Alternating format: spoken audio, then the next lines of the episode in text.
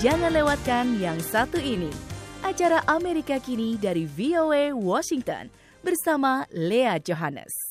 Ratusan ribu pengunjung akan berada di Washington DC pada tanggal 20 Januari ini untuk menyaksikan inaugurasi Presiden terpilih Donald Trump. Selain untuk menyaksikan proses inaugurasi di Gedung Capitol, banyak pengunjung merencanakan menghadiri berbagai acara lain seperti parade inaugurasi dan pesta dansa. Sejumlah bisnis sudah bersiap-siap menyambut para pengunjung yang datang ke Washington DC minggu ini. Dwight D. Eisenhower, do solemnly swear that I will faithfully Let me assert my firm belief the only thing we have to fear is Mulai dari tempat penginapan hingga souvenir Donald Trump, hotel-hotel mewah dan toko-toko souvenir di Washington DC sudah bersiap-siap menyambut pendukung Presiden terpilih Donald Trump yang datang dari berbagai penjuru. Menjelang inaugurasi Donald Trump, beberapa kamar hotel di Washington DC masih tersedia. Namun tidak demikian halnya di Four Seasons, hotel bintang 5 dan termahal di Washington DC.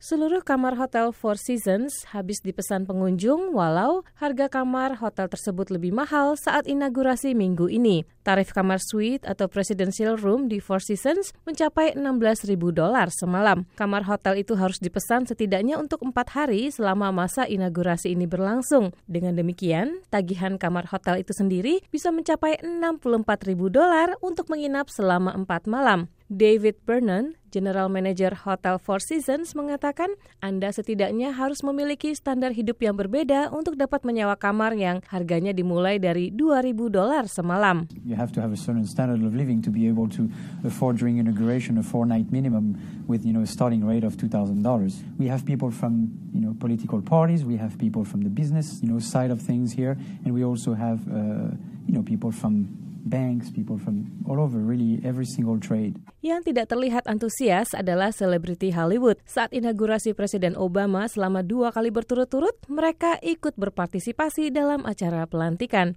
Kebanyakan tamu yang hadir dalam acara inaugurasi Donald Trump berasal dari negara-negara bagian yang mendukungnya, termasuk juga tamu dari negara lain. Hotel mewah Four Seasons memberikan souvenir mahal setiap harinya kepada tamu yang menginap. Salah satu di antaranya adalah berupa kotak peralatan menulis terbuat dari kulit dan memiliki simbol stempel kepresidenan dari emas 24 karat. Sementara tamu di Hotel Four Seasons mendapat souvenir mahal, yang lainnya membeli souvenir yang jauh lebih murah di toko-toko souvenir. Salah satunya toko Washington Welcome Center. Dexter Morse, manajer toko souvenir itu memperkirakan pernak-pernik Donald Trump akan laku terjual dalam minggu ini. Souvenir yang paling banyak dibeli adalah topi baseball Trump yang bertuliskan Make America Great Again. The Make America Great Again hat. Basically, the baseball caps are selling. I mean, we can't keep them on the shelves. Henry Jones, seorang mahasiswa dari Berry College di Georgia, membeli topi tersebut. Ia merupakan pendukung presiden terpilih Donald Trump.